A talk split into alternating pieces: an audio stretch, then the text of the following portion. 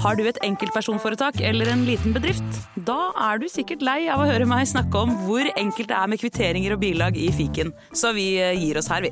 Fordi vi liker enkelt. Fiken superenkelt regnskap. Ny episode av Relasjonspodden ute nå. Datteren til en av lytterne våre har klippet av seg håret for å donere det bort, men nå blir hun mobbet for det. Hva kan mamma gjøre? Og hva gjør du når 14-åringen ikke vil ha den kjipe stebestefaren i konfirmasjonen sin? Ta hensyn til konfirmanten eller til mormor. Hør Relasjonspodden gratis der du hører podkast. En podkast fra Podplay. Denne episoden kan være skremmende for enkelte lyttere. Om du er yngre eller sensitiv, bør du lytte til episoden med en voksen du stoler på, eller skru av.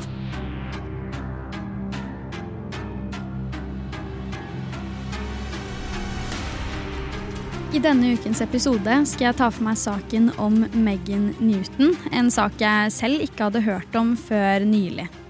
Denne episoden vil bli litt kortere enn episoden jeg normalt sett lager, men jeg syns absolutt at dette her er en sak verdt å ta opp, rett og slett fordi den er veldig trist, men også veldig viktig.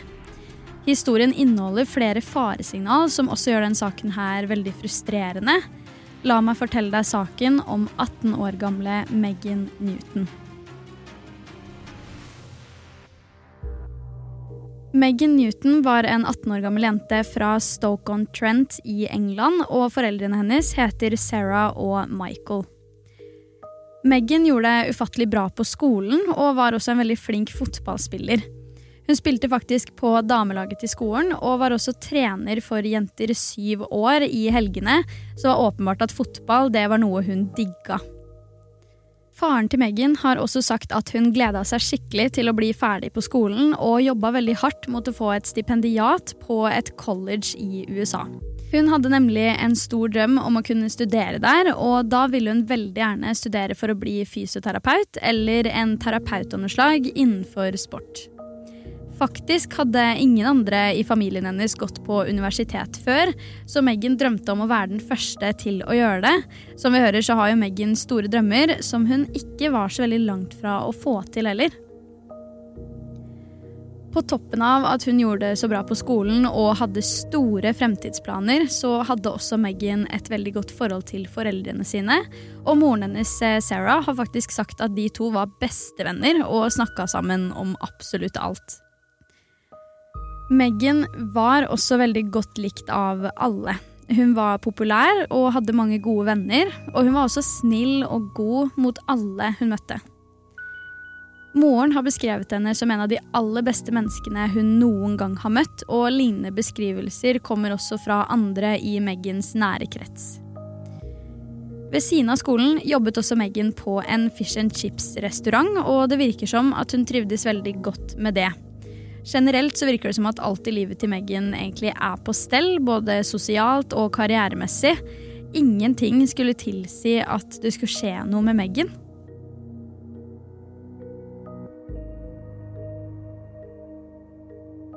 Vi skal til fredag 19. april 2019. Megan er ferdig på jobb i Fish and Chips-restauranten rundt klokka ti på halv elleve på kvelden, og drar da hjem til leiligheten sin for å skifte og fikse seg, ettersom at hun hadde noen planer med en venninne om å dra ut på byen den kvelden. Cirka klokka kvart på elleve kan vi se på overvåkning at Megan forlater leiligheten sin iført en beige jakke med et sort antrekk under, sorte høye hæler og en sort veske hengende over skulderen. Megan drar da for å møte vennene sine på en bar, og visstnok så var de her en liten stund før de bestemte seg for å heller dra på en nattklubb for å fortsette kvelden der. Alle vennene som Megan var med den kvelden her, har forklart at hun virka som sitt vanlige seg den kvelden. Hun var glad, positiv og sprudlende, og det virka som at hun hadde en helt fortreffelig kveld med vennene sine.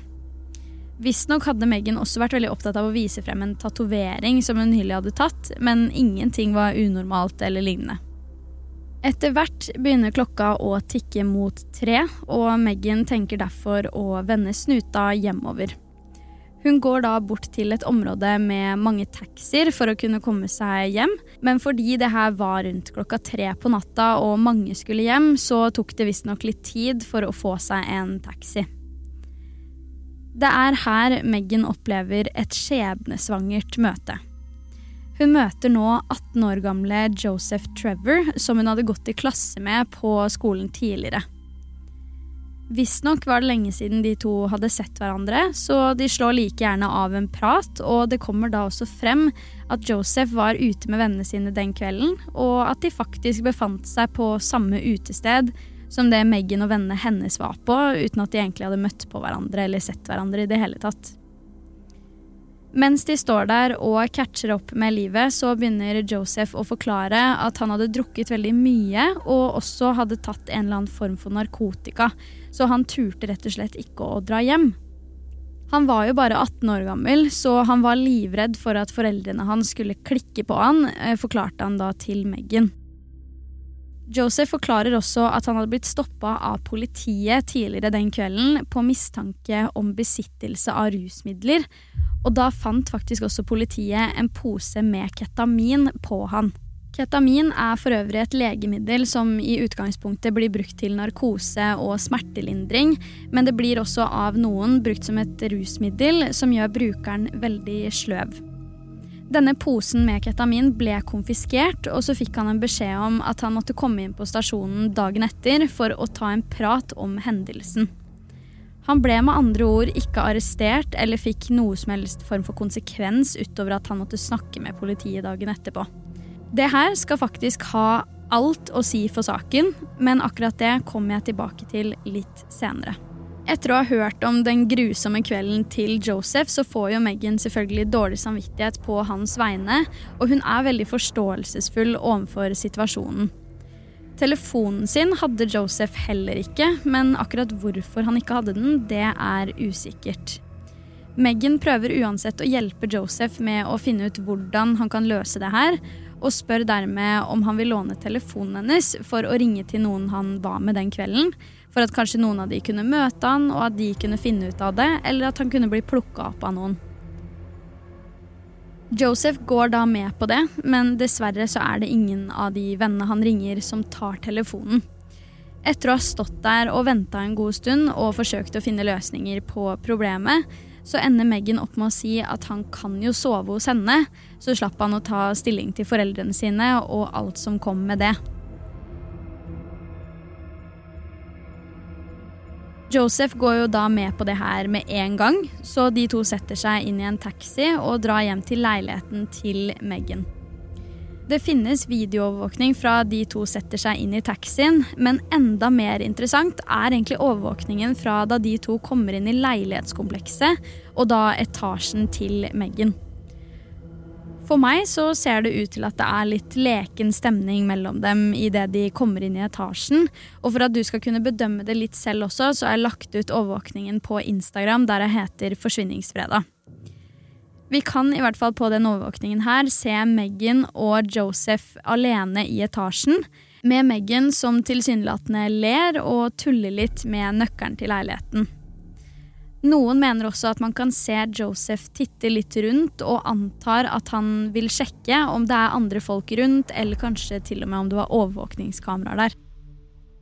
De to kommer seg uansett inn i leiligheten, og da er klokka rundt kvart på fire på natta eller morgenen. Klokka 05.53 så fanger videoovervåkning opp at Joseph forlater leiligheten til Megan helt alene, og han har nå tatt med seg nøkkelen til Megan ettersom at han trenger den for å komme seg ut fra komplekset. Faktisk så kan vi se hele begynnelsen av ruta han tok fra han forlot leiligheten, da på videoovervåkning. Han beveger seg nå ut på en parkeringsplass, og her kaster han nøklene til Megan og går videre.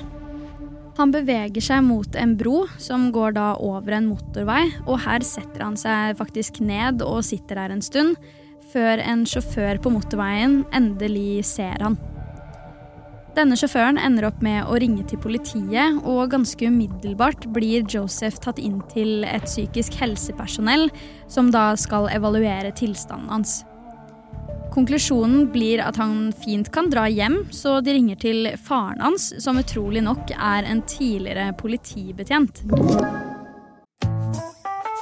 Har du et enkeltpersonforetak eller en liten bedrift? Da er du sikkert lei av å høre meg snakke om hvor enkelt det er å sende faktura med fiken.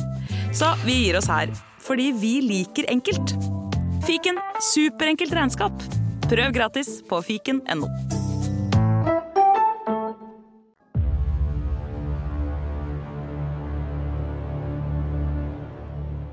Joseph blir da plukket opp av faren sin og kjørt hjem, og jeg kan se for meg at den bilturen hjem den må ha vært veldig merkelig. Altså Her har jo faren blitt ringt av politiet for å plukke opp sønnen sin som tilfeldig ble observert på en bro av en fremmed i morgentimene etter å ha vært på byen. Altså Faren må jo ha blitt skikkelig, skikkelig redd. Bare et par timer senere denne morgenen så finner en nabo av Megan nøklene hennes på parkeringsplassen. Vel, hun finner dem ikke bare liggende der, hun finner dem tilgriset i blod. Denne naboen melder fra til politiet med en gang, ettersom de selvfølgelig ble bekymret for sikkerheten til Megan og hvordan det sto til med henne. Politiet bruker da denne nøkkelen til å låse seg inn i leiligheten til Megan, og det er nå de finner Megan død på senga si. Åstedet er brutalt, og politiet blir nå nødt til å starte en drapsetterforskning. Som i de fleste andre drapssaker så blir det jo foretatt en obduksjonsundersøkelse, og den saken her er ikke annerledes. Så den obduksjonsrapporten her forteller oss at Megan var blitt både kvalt og knivstukket i ryggen opptil flere ganger. Hun hadde også blitt utsatt for voldtekt, og det var ingen tvil om at det var noe kriminelt som hadde skjedd. Politiet sjekker umiddelbart overvåkning for å se hvem som var med Megan sist, og da finner de jo Joseph med en gang. De går da skikkelig nøye gjennom disse timene med klipp, og på det ene så klarer de faktisk å analysere at Joseph har blod på hånda si mens han er på vei mot denne broa vi snakket om tidligere. Det var akkurat sånn politiet skjønte at Joseph måtte være involvert, og på dette tidspunktet så hadde de jo fra før av også gått ut med at Megan var blitt funnet drept. Joseph finner jo da ut at liket er blitt funnet, og det har ikke nå gått mer enn to dager etter at han ble med Megan hjem. Så fort Joseph finner ut av det her, så får han fullstendig panikk, og faktisk kan en av vennene hans fortelle at Joseph visstnok skal ha sagt at han hadde gjort noe skikkelig, skikkelig dumt. Noe mer enn det hadde han visstnok ikke utdypt, men man kan jo trekke konklusjoner til hva det her handla om. Bare noen timer etter at Joseph har funnet ut av det her, så står politiet faktisk på døra hans, og Joseph Trevor er nå under pågripelse. I avhør forteller Joseph at det er sant at han var med Megan den kvelden, og forklarer at de hadde samleie med samtykke. Etter det forteller han at han ikke husker noe mer fordi at han var både full og høy, men han forklarer at han med 100% sikkerhet vet at han ikke tok livet av henne. Politiet har jo på dette tidspunktet da funnet nok bevis, både i form av DNA overvåkning og obduksjon at det var Joseph som tok livet av henne. Så det er ingen tvil på dette punktet om at Joseph bare lyver for å redde skinnet sitt. Det tar rundt ti måneder fra Megan ble drept og til det endelig begynner en rettssak på bakgrunn av bevisene politiet hadde funnet mot Joseph. I alle disse ti månedene hadde jo Joseph nekta straffskyld. Men den første dagen i rettssaken så ender han likevel opp med å erkjenne straffskyld. Han forklarer at ja, det var han som voldtok og drepte Megan Newton. I rettssaken kommer det frem noe som egentlig er veldig interessant i saken. Joseph forklarer nemlig om en hendelse fra da han var 15 år gammel. På den tiden, da bare tre år før drapet på Megan, så gikk det nemlig et rykte om at Joseph hadde forgrepet seg på en annen mindreårig jente. Den saken ble aldri tatt til politiet, så om det stemmer eller ikke, er derfor veldig vanskelig å si. Men uavhengig av det, så tæra det jo selvfølgelig vanvittig mye på psyken til Joseph å ha dette hengende over seg. Bare noen uker før drapet hadde han visstnok forsøkt å ta livet sitt ved å hoppe av en bro. Alt sammen som en konsekvens av ryktene som gikk om han i byen. Joseph forklarer videre i retten at den kvelden han ble med Megan hjem, så hadde hun beklaga seg for at hun hadde fortalt dette ryktet videre til andre, og også i det hele tatt snakka om det. Det finnes ingen bevis for at Megan i det hele tatt har sagt det her, så igjen så er det vanskelig å si om det faktisk stemmer, men det er nå i hvert fall det han fortalte i retten, og nesten avla som forklaring på hvorfor han gjorde som han gjorde. Retten kommer også frem til at det er tydelig at Joseph kom dit den kvelden med seksuelle baktanker, som Meghan på den andre siden overhodet ikke hadde. De mente også at det var klart, utover enhver rimelig tvil, at det var Joseph som hadde utnyttet Megans godhet og frarøvet henne livet så altfor, altfor tidlig. Joseph Trevor ender opp med å bli dømt til livstid i fengsel med en minstetid på 21 år og 65 dager, før han da har mulighet til å bli evaluert for prøveløslatelse. Veldig mange mener at det er helt unødvendig at Joseph skal få minstetid i det hele tatt, og de mener at han rett og slett bare burde bli bura inne for resten av livet sitt. Jeg er veldig interessert i å høre hva du tenker om akkurat det, fordi minstetid er det jo på en måte i de fleste strafferammer av dette kaliberet, og man kommer jo stort sett ikke unna det. Og en annen ting, burde politiet grepet inn hardere da de tok Joseph med narkotika, spesielt siden han var så ung? Kunne de potensielt ha forhindra hendelsen? Uansett så er det her en ufattelig trist sak. Megan var jo bare snill og god mot Joseph og ga han muligheten til å slippe unna flere problemer. Og så er det det her som ender opp med å skje. Send meg gjerne dine tanker, meninger og refleksjoner på Instagram. Der heter Forsvinningsfredag, så skal jeg love å svare deg der.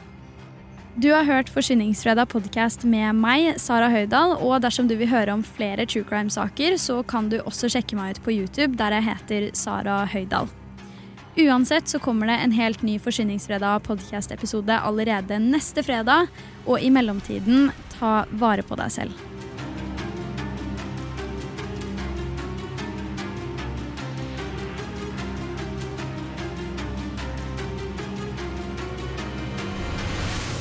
Du har hørt en podkast fra Podplay. En enklere måte å høre podkast på. Last ned appen Podplay, eller se podplay.no.